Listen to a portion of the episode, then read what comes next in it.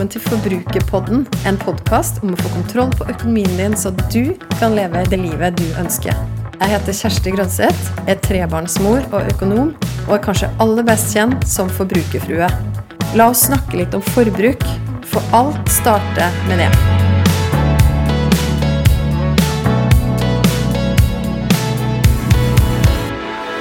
Er du klar for å ta enkelt grep nå som kontoen din i januar 2021 vil takke deg for? Og ja, jeg vet også at du kommer til å takke meg hvis du tar noen av de grepene, følger noen av de enkle rådene som jeg skal gi i denne litt korte episoden. Men den er likevel fullpakka av noen konkrete og gode tips til hva du kan gjøre nå for at du skal få en så god start som mulig på det nye året. Ok, Desember er her, adventstida er i gang, og vi teller ned til jul. I år så var alle, som jeg har sett, i hvert fall rekordtidlig ute med å pynte med lys og sånn, og jeg tror vi trenger det ekstra i år. Og som vi allerede har snakka om, shoppingsesongen med Black Week, som var forrige uke. Håper du fikk gjort noen gode kupp der, og at du ikke tok valg som du allerede angrer på. Da kan du benytte deg, fortsatt tid til å benytte deg av angreretten din på 14 dager, hvis det er noe som du absolutt ikke egentlig trengte. Ok, Men sjøl om vi da i det her annerledesåret 2020 trenger å kose oss litt ekstra og fokusere på de hyggelige tingene, det som er positivt, så betyr ikke det nødvendigvis at vi trenger å bruke så mye mer penger. Og som jeg snakka med Guro Solien Eriksen om forrige uke, det går an å ta en runde i familien og spørre og snakke med hverandre. Hva er det som egentlig har skapt og gitt oss de beste juleminnene tidligere? Det er ikke nødvendigvis at det handler om å bruke mest mulig penger. Jeg delte jo eh, I slutten av november så delte jeg alle lappene som vi skal ha i vår enkle, lavterskel adventskalender hjemme. Som består av 24 fyrstikkesker som er tømt og som er limt sammen til en kalender, og vi har putta lapper oppi. Dette er en tradisjon som jeg har hatt nå i over 30 år, fordi det var min mor som introduserte det for oss da jeg og søsknene mine var små. Så det er veldig koselig å fortsette den tradisjonen også. Så Hver dag så er det ett av barna våre som trekker en lapp fra den kalenderen, og så får de ulike aktiviteter eller små overraskelser eller oppmuntringer. Og den er faktisk mitt mest likte bilde på Instagram noensinne. Og jeg tror det også sier meg noe om at flere av dere er på jakt etter litt de enkle, små tingene som kan gjøre det magisk, men som ikke trenger å koste så mye penger. Samtidig så vet vi hvor viktig det er nå også å støtte de små, lokale bedriftene. Det er mange som snakker om det om dagen, men hvis det er sånn at du har en favoritt i ditt nabolag eller i nærheten av der du bor som du tenker at åh, de har jeg virkelig lyst til at skal overleve den perioden som igjen er tøff for veldig mange bedriftseiere, da oppfordrer jeg deg på det sterkeste til å gå inn og støtte de. Jeg skal bare fortelle en eh, ting nå på podkasten. Vi har jo tidligere, så i vår så hadde jeg med meg mannen min i en episode der vi snakka om eh, billig brød, som jeg har oppskrift på på min Instagram-profil, og som veldig veldig, veldig mange av dere har lasta ned.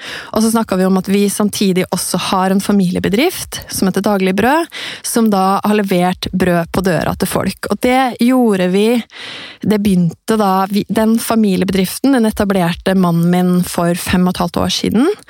Og så har de vært gjennom ulike faser, og han har sjøl kalt seg da bakeriet med ni liv, fordi det har vært mange ganger hvor de har trodd at de har vært i nærheten av å gå konkurs, men så har de overlevd likevel. Og nå i mars, den første nedstengingen, så mista de 90 eh, av omsetninga over natta fordi de leverte til restauranter og små butikker som måtte stenge. Da hadde de i en periode gått og ruga litt på ideen om å levere brød hjem på døra til folk, og timingen kunne jo ikke vært bedre.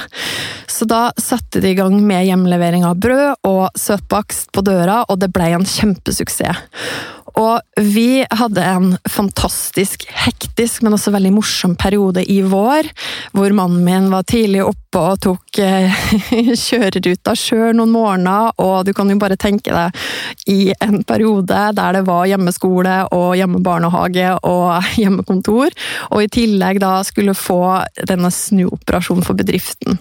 Når jeg ser tilbake på det nå, det var kaos, men det var også gøy. Og i den perioden der så blei vi da kjent med vanvittig mye det mannen min har kalt verdens fineste kunder i nabolaget som opplevde å få morgenen sin og frokosten eh, litt bedre fordi de kunne kjøpe brød fra Daglig Brød, men som også da heia veldig fram et lokalt initiativ og ønska å støtte den lokale bakeren. Og det var en suksesshistorie, det.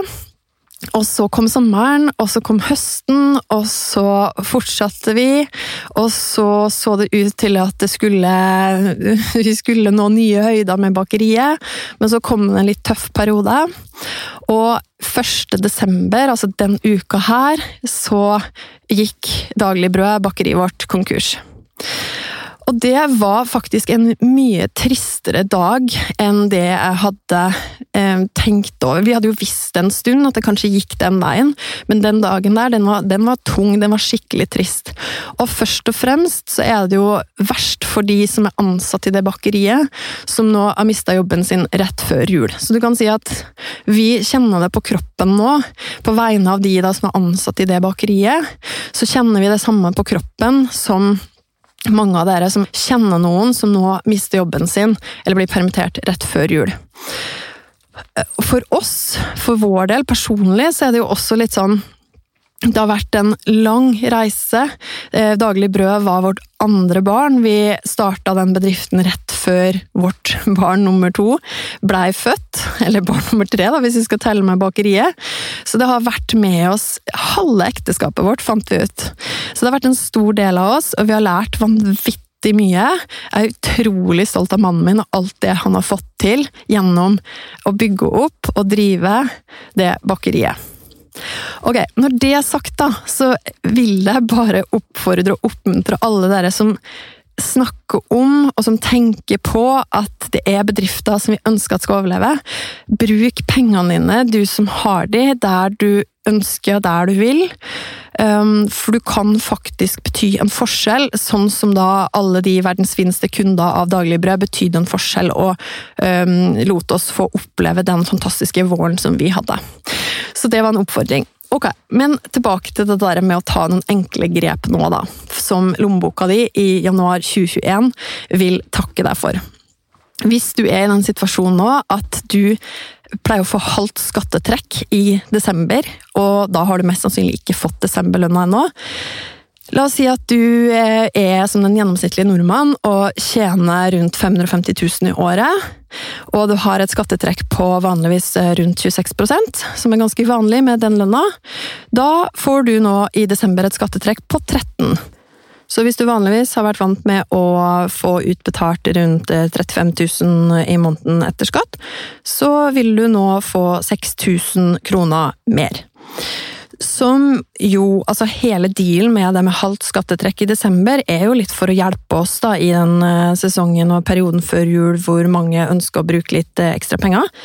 Men jeg tenker også litt sånn at det er en fin anledning til å tenke og være litt bevisst, og kanskje sette av noen av de pengene. For det er jo litt betydelig, det er jo noen tusenlapper, og du bruker kanskje ikke alt det på julegaver og julekos og mat, jeg veit ikke. Men hvis det er sånn, da, at du ønsker å sette deg opp for suksess, eller å ta noen enkle valg og grep nå, som gjør at du ikke bare får en hyggelig førjulstid og jul, men også en hyggelig januar og en best mulig start på det nye året, så er det noen ting du kan gjøre. Enkelt og greit. Altså hvis du har, for det første, hvis du har ubetalte regninger som ligger, så er jo da desemberlønna en gyllen anledning til å komme à jour. Så hvis det var meg, så ville jeg prioritert det aller først. Kom à jour med regninga. Og så, for det andre, så er det sånn at hvis du ikke har buffer på konto.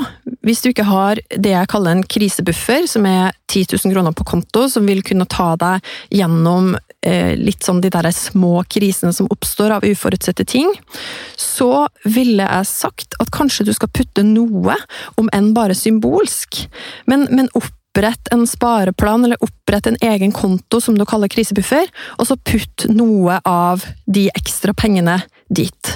Bare gjør det, og så vil du Du vil, du vil faktisk eh, takke deg sjøl i januar. Det er jeg helt sikker på. Du vet, Det er litt sånn som at hvis du starter dagen med å re opp senga, og så kommer du hjem etter kanskje en skittig dag, og så kommer du hjem ja, Nå sitter du kanskje hjemme på hjemmekontor, da, men kommer på soverommet på ettermiddagen eller kvelden. Og så at, og så, du ikke, så føler du ikke at du har fått til noe som helst den dagen, men så ser du at åh, men vet du hva, jeg redder faktisk opp senga. Om alt annet gikk skeis den dagen, så klarte du i hvert fall den ene tingen. Og litt sånn er det også med det å ha oppretta en spareplan eller en egen konto som du kaller krisebuffer. Da har du i hvert fall kommet i gang, og putt noen penger der. Nummer tre. Den ligner litt på den eh, krisebufferen, og det er mye symbolikk her, da. Fordi tips nummer tre det er å ta noen av de pengene som du har, får da ekstra i desember, eller som du kanskje allerede har fått på novemberlønna og har igjen noe ekstra av det.